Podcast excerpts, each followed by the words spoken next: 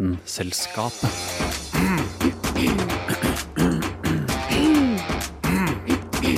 Vitenselskapet. Hull, hode og hull i hodet. Dagens sending er ganske høl i huet.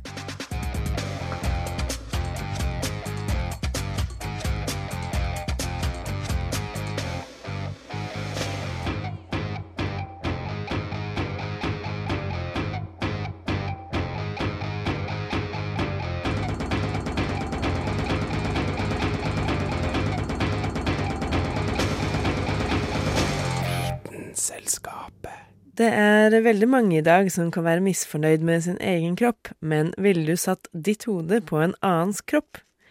Det skal visstnok være mulig.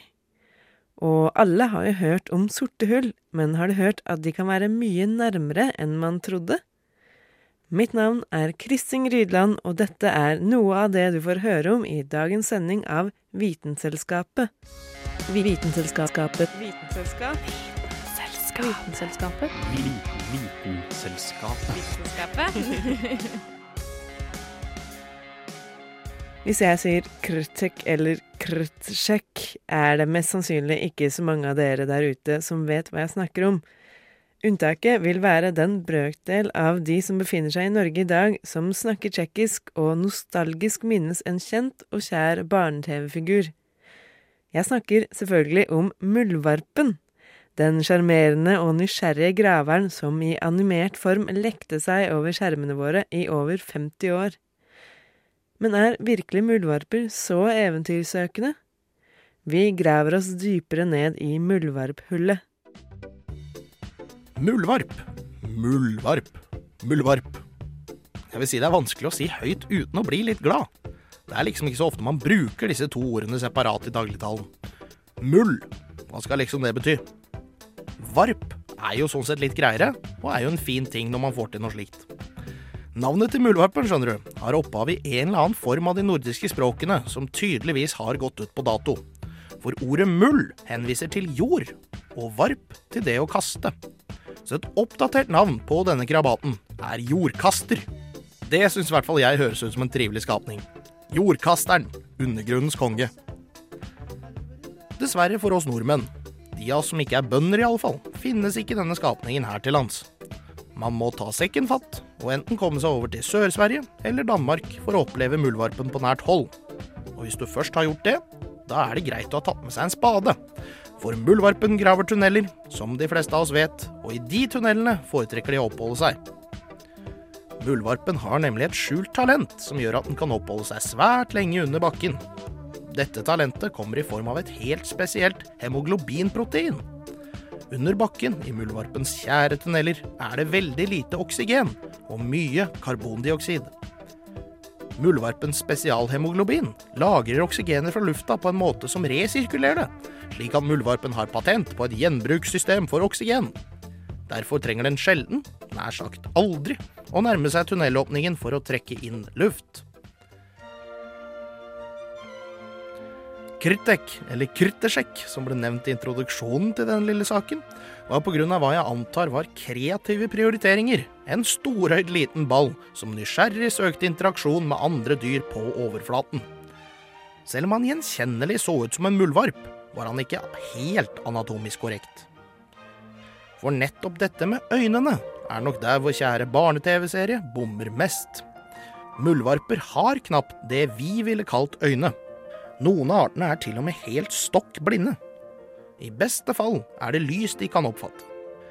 Det er derimot ikke et stort handikap, hadde vi spurt en muldvarp. For gjennom sin ekstremt tilpassede nese sniffer den seg fram til det den skal sniffe seg fram til. Og samtidig innplantet i dens karakteristiske nesegrev finner man hva man nesten må kalle en motion detector. En muldvarp kan nemlig føle at noe detter ned i hullet dens, og for muldvarpen er dette som regel mark og insekter av forskjellige slag som er hovedbestanddelen i kosten. Mye av grunnen for tunnelgravingen er nettopp å lage fallemmer, eller fallgruver av noe slag, for å få den intetanende Marky Mark til å dette nedi. Da fyker muldvarpen lynraskt mot nedslagsfeltet til den stakkars marken og biter den. Da skulle man tro at det var over og ut for markemarken, og kort vei ned i Mulles mage. Men det er ikke muldvarpens måte å gjøre ting på. For et annet talent den har, er av alle ting å være giftig. Bittet til muldvarpen skiller ut et paralyserende toksin, som er helt ufarlig for mennesker, men som for små insekter, marker, biller og sånne ting fungerer optimalt. Muldvarpen lammer som regel byttet sitt for å bygge seg opp et lager av mat, som den holder nær sagt kunstig i live, eller fersk om du vil, for å klare seg gjennom vinteren, hvor det blir mindre tilgang på mat. Forskerne har faktisk funnet lageret hvor en muldvarp har lagt seg opp over 1000 mark, noe man må si er ganske brukbart. To til fire kilo mark varer en god stund for en muldvarp som typisk blir mellom 50 og 170 gram stor selv. Muldvarper er et dyr av typen som typisk ikke leker spesielt bra med andre. Paringstiden er fra februar til mai, og er som regel den eneste tiden på året hvor muldvarpen er på leting etter andre muldvarper. Utenom denne tiden kan møter føre til undergrunnsgladiatorkamper, som gjerne fører til at den ene ligger død igjen når alt er sagt og gjort. Det har riktignok blitt funnet svært komplekse tunnelsystemer i hager hvor det har bodd flere muldvarper, og da kan det nesten virke som det er motorveier mellom de respektive muldvarpers territorier for rask transport. Derfor er det noen forskere som hentyder til at siste kapittel om muldvarpers sosiale struktur ikke er skrevet, og at det er mer komplekst enn vi til nå har trodd. Så er det bare å håpe, da, for oss som var glad i muldvarpen, selve jordkasteren på NRK back in the days, at han før eller siden graver seg opp til våre breddegrader. For selv om den kan være plagsom for innhøstingsmaskiner, er faktisk omveltingen den gjør av jorda, bra for plantene. En diskusjon der også, altså. Så selv om denne saken nå tar slutt, er ikke siste kapittel om muldvarpen skrevet.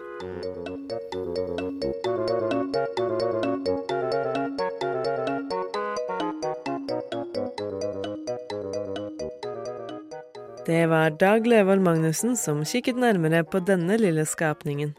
There's hydrogen and helium, then lithium, beryllium, boron, carbon everywhere, nitrogen all through the air with oxygen so you can breathe. Du hører på Vitenselskapet på Radio Nova. Magnesium, aluminium, silicon, phosphorus, then sulfur, chlorine, then argon, potassium, and calcium so you'll grow strong. Scandium, titanium, vanadium, and chromium, and manganese. Har du hørt om kyllingen som levde i halvannet år uten hode?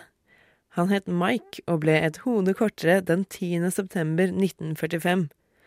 Dette stansa imidlertid ikke Mike, fordi da bonden skulle kutte av ham hodet, bommet han litt, slik at hovedpulsåren og en del av hjernestammen ble igjen. Dette var nok til at Mike kunne leve videre, og selv om han ikke lenger hadde nebb eller øyne, prøvde han å plukke korn som alle de andre kyllingene. Han ble matet med en pipette, og ryktene skal ha den til at bonden en dag glemte denne pipetten, slik at Mike til slutt døde. I det neste innslaget skal det egentlig ikke handle om å miste hodet, men å få et hode. It's alive. It's alive. It's moving. It's alive. Oh, it's alive. It's alive. It's alive. It's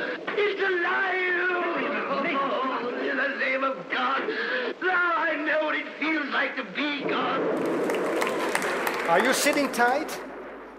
I'm about to give you one hell of a ride. First of all, I will give you all no eyes. We will certainly prove that all the experts know is wrong and show that transplanting a head onto a new body is feasible in man. No less. Dette er stemmen til Sergio Canavero, en italiensk forsker som mener at han kan få til å transplantere et menneskehode over på en annen kropp. Det høres kanskje ut som fiksjon, men ifølge Canavero finnes allerede teknologien for å få det til i dag. Vi klarer tross alt å transplantere de aller fleste kroppsdeler, så hvorfor skulle vi ikke klare å transplantere hodet? Vel, hvis vi ser bort fra det etiske, og at det på en måte føles litt unaturlig, så er det jo den lille utfordringen med nervecellene i ryggraden. Som de fleste vet, går signalene fra hjernen gjennom nervetråder i denne store nervecellemotorveien vi kaller ryggraden.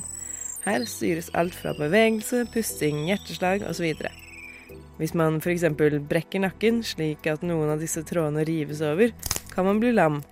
Og hvis man fysisk skal fjerne noens hode, betyr jo dette at alle trådene kuttes over. Så hvordan i all verden skal man klare å feste ryggraden sammen igjen på en slik måte at det transplanterte hodet kan klare å styre den nye kroppen? Ganske enkelt, mener Canavero. Altså, ganske enkelt er jo relativt i denne sammenhengen. Når hodet kuttes av kroppen, gjøres det med skarpe kniver, ikke voldsomt og tilfeldig, slik som ved en ulykke. Dermed har man mer kontroll på trådene, og det blir større sjanse for å klare å få feste dem på riktig. Operasjonen er planlagt som følger. Begge kroppene kjøles først ned for å hindre celledød. Blodårene blir kobla sammen med slanger for å holde dem i live, så kuttes nakkene over. For å feste nervetrådene sammen har forskerne tenkt å bruke en væske som heter polyetylenglykol, som skal hjelpe cellene med å binde seg. På en måte blir det litt som man skulle lime to pakker med spagetti sammen, én og én spagetti av gangen. Og dette er den vanskeligste delen av jobben, og når den er ferdig, gjenstår det bare å sy sammen musklene, blodårene og huden. Og dermed er et av litteraturhistoriens mest kjente eksperimenter vekket til live. Eller det kommer til å ta mange uker før man eventuelt kan vekke denne personen til live. Etter operasjonen må pasienten nemlig legges i koma i flere uker mens nervetrådene stimuleres til å vokse sammen. Dette gjøres ved å sende elektrisitet gjennom elektroder og inn i halsen. Ikke akkurat et lynnedslag, men ikke så langt unna at jeg ikke kommer til å dra den referansen en gang til. Så hvem er gale nok til å melde seg frivillig som forsøkskanin til dette uvanlige eksperimentet?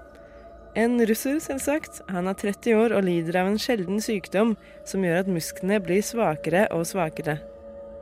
Han kommer med andre ord til å bli fullstendig lam, og det er sannsynligvis derfor han tenker at å få en brand new kropp vil være et bedre alternativ. Det er imidlertid ikke alle som mener at dette kommer til å være et bedre alternativ.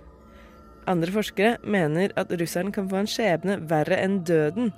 Ikke først og fremst fordi han kommer til å bli en freak med et hode som ikke egentlig passer med kroppen. Ifølge disse forskerne kan nemlig operasjonen og kjemikaliene gjøre at hjernen går helt bananas som kan resultere i galskap på et helt annet nivå enn noe menneske har opplevd tidligere. Nå er det vel få som tror at man kan gjøre noe sånt helt uten å få varige men, men hvem som har rett, er litt vanskelig å vite, siden dette aldri er blitt gjort på et menneske før. Det nærmeste vi kommer, er i 1970, da forskere sydde et ekstra hode på en ape. Kroppen avviste hodet, og apen kunne verken puste eller bevege seg. Slik ble den liggende mens det ekstra hodet lå dinglet, til apen døde ni dager senere. Vi får vel krysse fingrene for at det går litt bedre med Canaveros monster.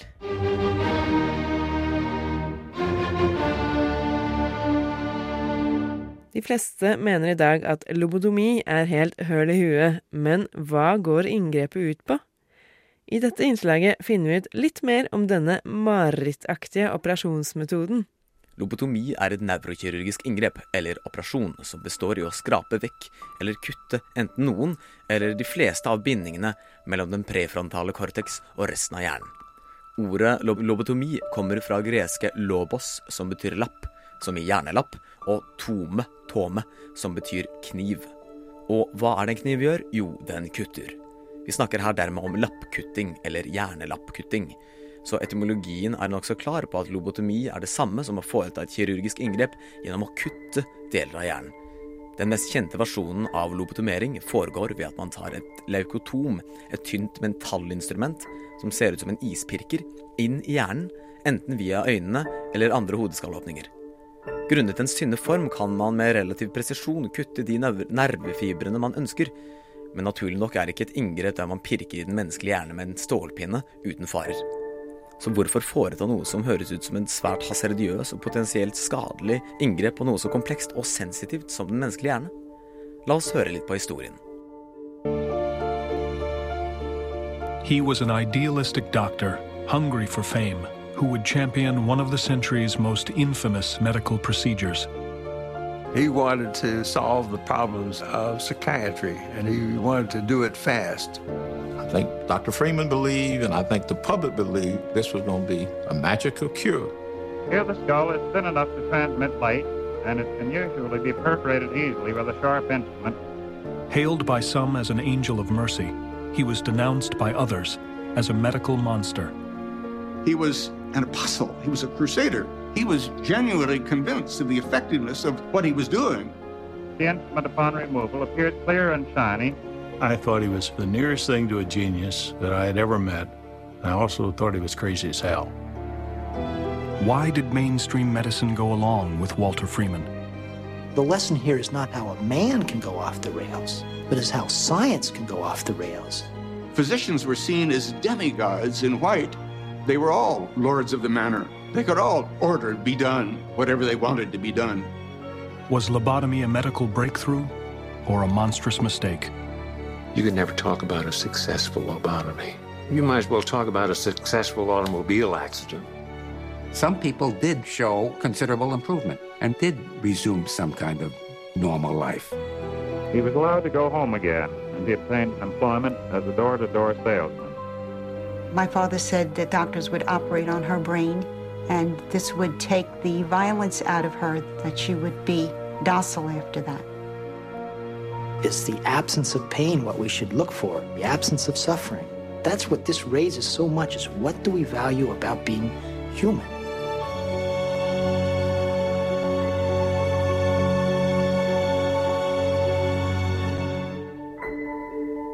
Dette var fra dokumentaren The Lobotomist om legen Walter Freeman, som spesialiserte seg på lobotomi og leukotomering. Men lobotomi begynte ikke med Walter Freeman, selv om det var han som opprinnelig begynte å snakke om inngrep som lobotomi. Historien begynner med nevrofysiologen John Falton, som forsket på primater og deres hjerner. Falton kuttet ut deler av sjimpansers hjerne for å se hvordan dette påvirket deres atferd. Som man kan gjette, var det mye endring i atferden å spore ved endringer i hjernevev. Men nevrovitenskapen hadde bare så vidt begynt å finne ut hvordan hjernen fungerte, og hvordan de forskjellige delene av hjernelappene var knyttet til hverandre, og til den menneskelige personlighet for øvrig. I dag vet vi at spesielt den prefrontale cortex, hjernelappen som er rett bak pannen, spiller en viktig rolle i daglig menneskelig atferd. Den ser ut til å være sterkt knyttet til personlighet, og også være aktiv når vi tar bevisste valg og resonnerer. Med andre ord ser det ut til at den prefrontale cortex er sterkt knyttet til det å være menneske. Da Felton kuttet ut deler av sjimpansers prefrontale cortex, skjedde noe merkelig. De begynte å oppføre seg upassende, de bæsjet på gulvet og var generelt ustabile i atferd. Når han kuttet hele den prefrontale cortex fra hjernen, skjedde det noe enda merkeligere. Apene ble roligere, mer avslappet, stille. Når man forsøkte dette på mennesker, skjedde det lignende ting. De ble roligere, mer avslappet og mistet mange av sine psykotiske symptomer. Målet var å fjerne sterke symptomer på angstlidelser, depresjoner og tvangslidelser. Dette klarte man med de kirurgiske inngrepene, men til hvilken pris? Det så ut til at pasienter mistet store deler av sin personlighet, til tross for at de ikke mistet sine minner eller finmotorikk. Kunstnere stoppet å lage kunst, musikere stoppet å spille, personlige relasjoner ble ødelagt. I dag har vi bedre metoder for å redusere symptomene på psykopatologiske lidelser, spesielt gjennom medisiner. Lobotomiens historie er brutal, men vi kan lære av den at det er mye vi ikke vet om den menneskelige hjerne, og at det å behandle symptomer ofte ikke er det samme som å behandle sykdommer. Og det var Dag August Schmedling Dramer som hadde laget dette innslaget om lobotomi. Oslo 2 igjen, Oslo 2. Dette er Vitenselskapet. Radio November, Oskar, Viktor, Alfa. Ingenting kan slippe ut av et sort hull, ikke engang lyspartikler. Disse tilintetgjørende monstrene finnes blant annet i sentrum av galaksen vår, 27 000 lysår unna. Men hva om de er mye, mye nærmere? Verdensrommet har det med å kaste ting mot oss stakkarene her nede på jorda. På slutten av 90-tallet var det asteroider som var den store fara. Heldigvis hadde oss Bruce Willis til å redde oss alle sammen. Dessverre er det noe enda skumlere som potensielt kommer fra der ute. Det er nemlig en hypotese blant fysikere om at det finnes små, svarte hull som seiler sin egen sjø gjennom universet. Heldigvis er universet forholdsvis digert, så sjansene for å bli truffet er relativt små. Ifølge denne hypotesen passerer et svart hull gjennom jorda en gang hvert tusen år. Disse svarte hullene er miniatyrer. I størrelse er dette helt riktig. I svarte hull er gravitasjonskrafta i sin mest ekstreme form. Masse kollapser inni seg sjøl og når en sinnssvak massetetthet. Disse små svarte hullene er ca. en kvart millimeter i diameter, det vil si omtrent som tjukkelsen på et menneskehår. Nå er jo hår ganske tynt, så det er ikke store saken det er prat om. Sjøl om størrelsen ikke er imponerende, fører den ekstreme massetettheten til at et slikt hull har en masse på samme skala som en måne. En måne som får plass på tuppen av ei synål. Grunnen til at disse hullene blir kalla miniatyrer, sjøl om de veier ca. en million, million, million ganger mer enn det, er at storebrødrene deres får størrelsen sin oppgitt i solmasser, altså antall ganger massa til vår alles kjære sol. Sagittarius A, som er et svart hull i midten av Mjølkeveien, har ei antatt masse på 4,3 millioner soler.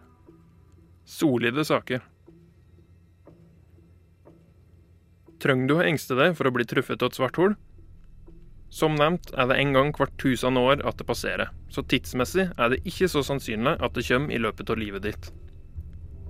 De hyppigst opptredende hullene etter denne hypotesen er i tillegg de minste, som har masse som er asteroide. Denne bitte lille prikken vil ikke bringe fram noe apokalyptisk endetidsscenario. Faktisk vil den pga. størrelsen være veldig vanskelig å oppdage, så den kan gå oss rett forbi uten at vi engang vet det. Svarte hull av en mer betraktelig størrelse vil kunne gjøre en del skade. Tyngdekrafta fra disse vil for det første ødelegge for satellittene som svirrer rundt over hodene våre.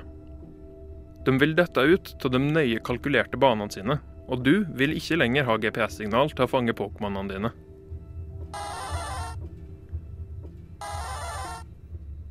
Kaimen blir direkte truffet av det svarte hullet? Rett gjennom kroppen? Forskere antar at det ville vært litt som å bli truffet av ei kule.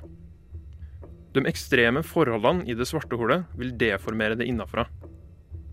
I stedet for å dytte på det som ei kule, vil det dra på det. I tillegg vil ekstreme mengder varme smelte det fra innsida. Å overleve et slikt treff fra et svart hull er nok utrolig usannsynlig. Sjøl om det hadde vært den kuleste anekdoten noensinne. Måneskalahullene er enda sjeldnere enn asteroidetypen. Det antas at disse vil passere mellom jorda og sola rundt en gang hvert hundre millionte år. At den da skal treffe akkurat det, er helt utrolig lite sannsynlig. Jeg hadde nok vært mer bekymra for å bli truffet av lyn to ganger i løpet av livet. Sjansen for det er én av ni millioner. Trist nok er dette mer sannsynlig enn å vinne det amerikanske Powerball-lotteriet.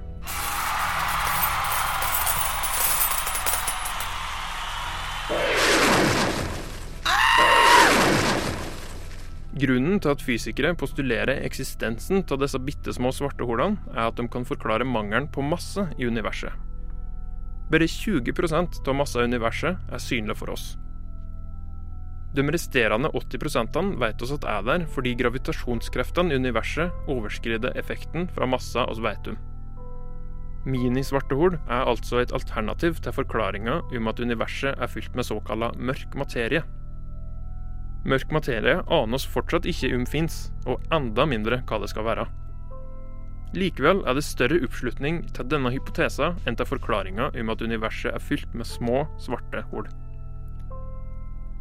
Det er altså en viss sjanse for at du kan bli truffet av en måne på størrelse med et støvkorn som har svirra rundt i 13-14 milliarder år. Men sjansen for at oldisen treffer det, er ikke akkurat stor. Det er så usannsynlig at det klarer Saken var laget av Carl Adams Kvam. Å vite vet Vitenselskapet.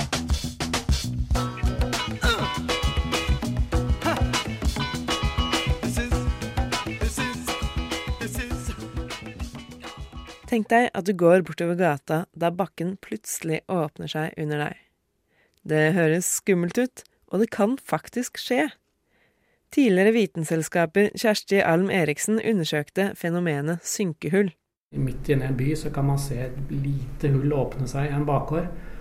Og så i løpet av noen timer kanskje så har hullet utvidet seg og kan ha slukt flere kvartaler.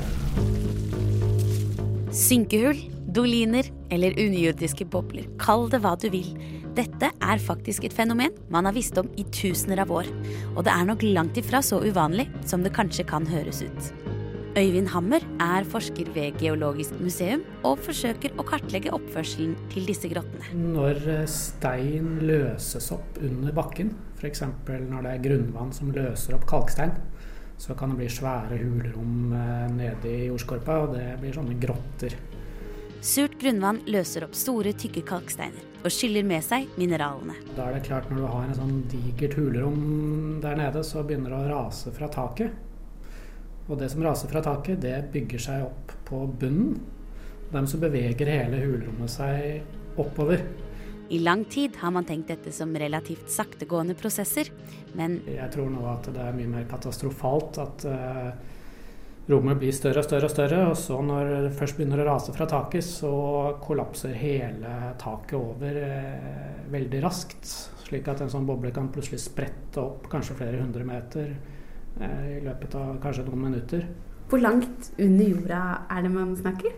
Altså Disse hulene kan ikke være altfor dypt nede, for da blir det så stort eh, trykk fra steinen rundt, og da kan du ikke ha et hulrom. De blir bare trøkka sammen. Så det ligger nok ikke så veldig dypt, men eh, det kan sikkert finnes sånne hulrom opptil kanskje en kilometer under bakken. Og hva er det, hva er det dette hulrommet fylles med? Ja, Når det er eh, langt under bakken, så er det vel antagelig oftest fylt med vann. Men eh, så kan vannet renne bort etter hvert, og det kan tørke opp. Og da blir det til svære grotter. og det er sånn. Dette er hulrom som kan bli enorme. Flere hundre meter både dype og i diameter. Og de har ofte en karakteristisk er form. gjerne som en sjakt. De er ganske høye og tynne ofte. Eh, og når disse da treffer eh, overflaten, så kan det bli et ganske lite hull til å begynne med, og så åpner det seg opp nedover, omtrent som en flaske blir det. Kunne man puttet Eiffeltårnet nedi den grotten? Ja ja, det hadde gått fint. To Eiffeltårn? Ikke oppå hverandre, men ved siden av hverandre, kanskje. Når den kommer opp til overflaten, da, har den på en måte i- ikke sprukket, da, men, men slår den seg til ro da? Eller blir den værende når det ikke er noe mer som kan dra seg nedover? Ja, da dør den på en måte. Da stopper den. Og så får man bare et stort krater. Ja, det er klart Etter lang lang tid så vil det fylles igjen med løsmasser og ting som ramler nedi. Hvor store krefter kan en sånn boble ha? Ja, Boblen i seg selv har vel ikke noe krefter, men det er jo tyngdekraften da, som gjør at taket i grotten kollapser. Og da er det jo et langt fall i noen tilfeller. Da kan hus og biler falle ned 100-200 meter ned i dette hullet.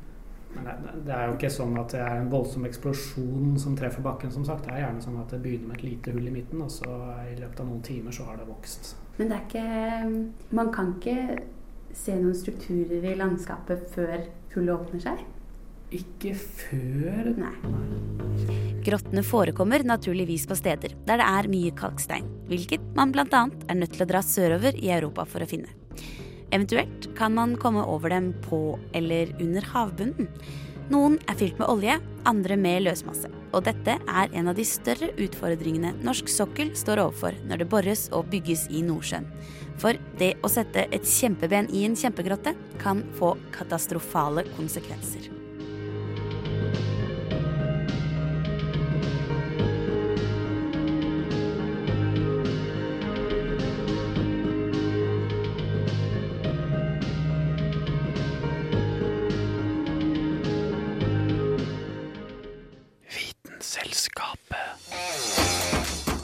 Det var dessverre alt vi rakk for denne gang, men hvis du vil høre mer, finnes vi på de fleste sosiale medier bortsett fra Jodel.